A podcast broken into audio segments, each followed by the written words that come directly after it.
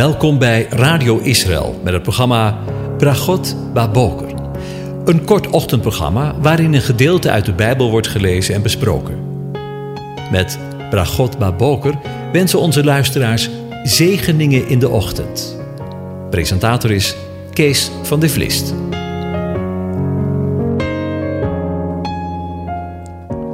Goedemorgen, Bokatov, beste luisteraars. Vanmorgen denken we voor de zevende keer na over Psalm 132. Ik lees de eerste zeven versen aan je voor. Een pelgrimslied. Heere, denk aan David, aan al zijn lijden.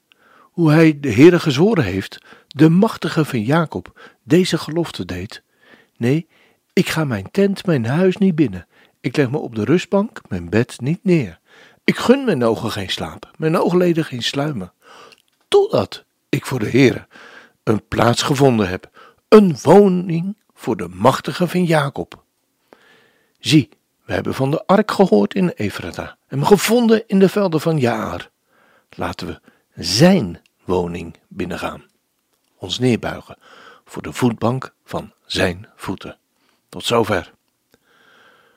Over de plaats waar God wil wonen gesproken. In de voorgaande aflevering hebben we met elkaar gezien dat de Heere God bijzonder hecht aan zijn plaats waar hij gediend wil worden. We lazen daarvan in Deuteronomium bijvoorbeeld de woorden: Dan zal daar de plaats zijn die de Heere, uw God, zal uitkiezen om zijn naam daar te laten wonen. En zoals de Heere God het volk in Deuteronomium de plaats wijst waar ze hem moeten dienen, zo wijst de Heere God David de plaats aan in 2 Samuel 24, vers 18 tot 25. We lezen daar: Op die dag kwam Gad bij David en zei tegen hem: Ga de heuvel op en richt op de dorsvloer van Arauna de Jebusieten altaar op voor de Heere. Maar er is meer over te zeggen. In Haggai 1, vers 9 lezen we de woorden: Vanwege mijn huis dat verwoest ligt, terwijl u zich uitslooft, ieder voor zijn eigen huis. lees het nog een keer. Vanwege mijn huis dat verwoest ligt, terwijl u zich uitslooft, ieder voor zijn eigen huis. In dit hoofdstuk lezen we dat de Heer het volk aanspoort om de tempel te bouwen. Energie te stoppen in zijn woning en niet in de eigen woning. De tempel ligt nog steeds in puin, ook al zijn de Joden teruggekeerd uit de ballingschap. Ze wonen in hun fraai overdekte huizen, zoals het in vers 4 staat, terwijl het huis van de Heere verwoest is. Ze hadden al wel een altaar opgericht en de fundamenten van de tempel gelegd. Lezen we in Ezra 3, vers 10. Maar daarna waren ze ermee gestopt toen ze een verbod van de Versische hof kregen. Vandaar dat de Heer hun zijn zegen niet kan geven.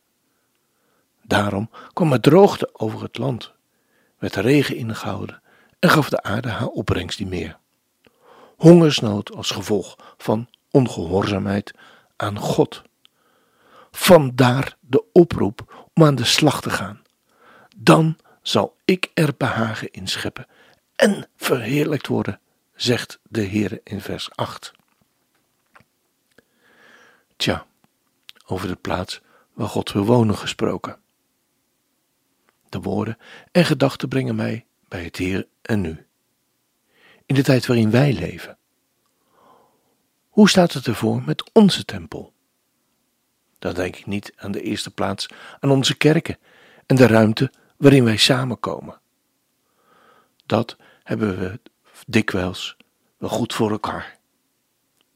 Maar ik denk aan ons eigen lichaam, dat in de brief aan de Corinthiërs in 1 Korinthe 3 vers 16 en 17 een tempel van God wordt genoemd.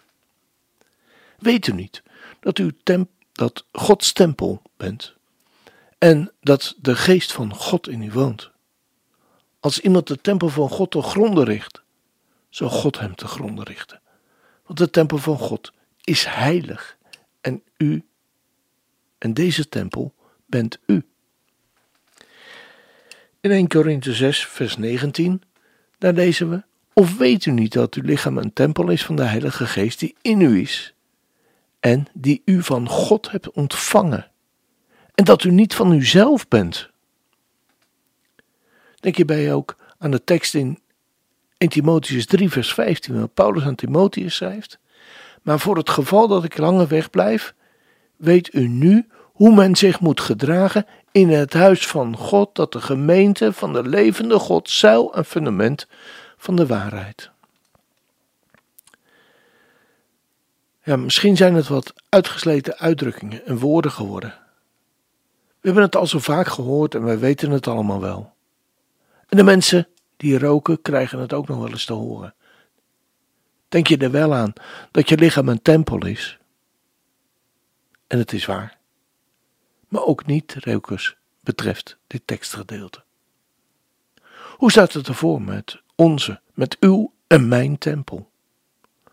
Ook al hebben we door genade de Heer Jezus als onze redder en verlosser leren kennen en liefhebben, dan kan het toch zo zijn dat onze tempel verwoest ligt.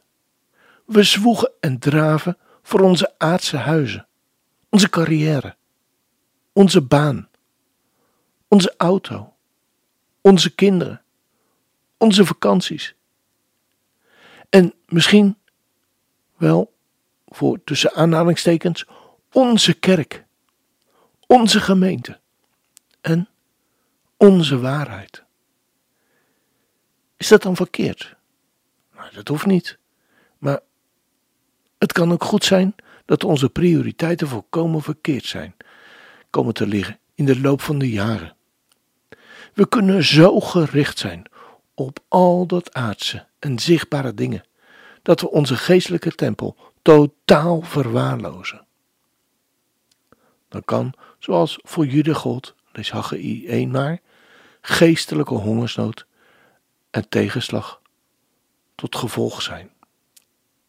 We lezen nog een keer die woorden om die diep tot ons in te laten dringen. Want we lezen daar in Haggai 1 vers 9 de woorden vanwege mijn huis dat verwoest ligt, terwijl u zich uitslooft, ieder voor zijn eigen huis. In dit hoofdstuk lezen we dat de Heere het volk aanspoort om de tempel te herbouwen. De tempel ligt nog steeds in puin, ook al zijn de Joden teruggekeerd uit de ballingschap. Ze wonen in een fraai overdekte huizen, zoals het in vers 4 staat, terwijl het huis van de Heere verwoest is.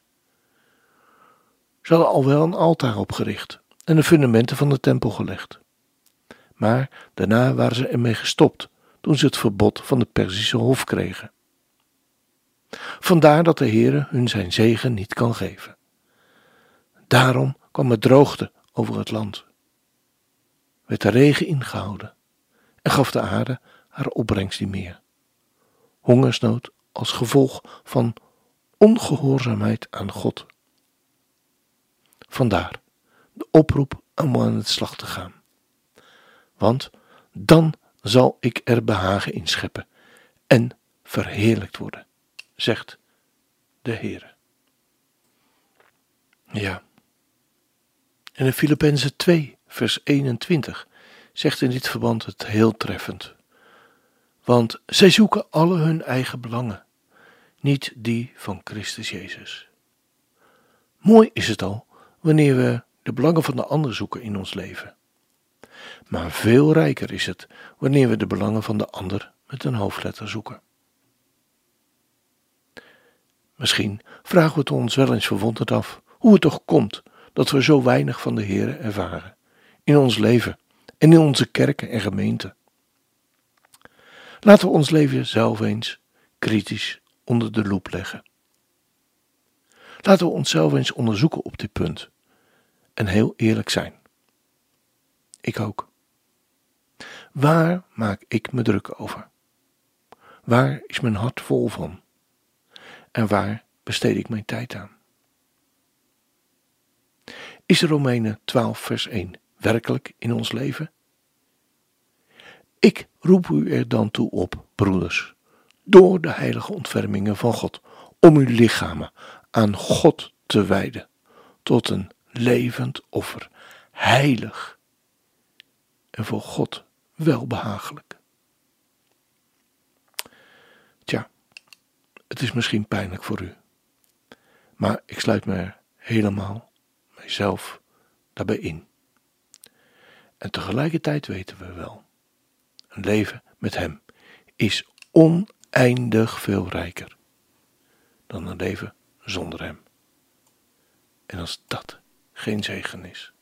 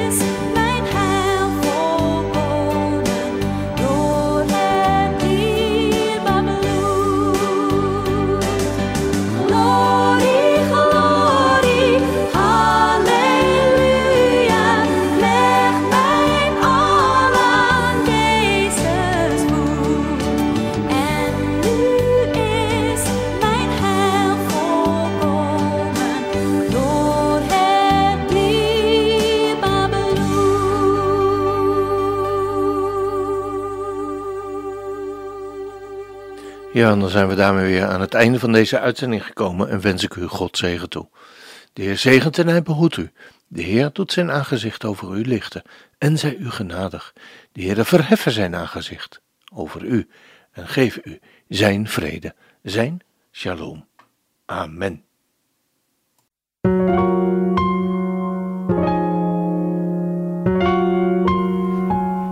U hebt geluisterd naar het programma Bragot Baboker. Een kort ochtendprogramma waarin een gedeelte uit de Bijbel wordt gelezen en besproken. Wilt u het programma nog eens naluisteren, dan kan dat. Ga naar radioisrael.nl en klik onder het kopje radio op Uitzending gemist.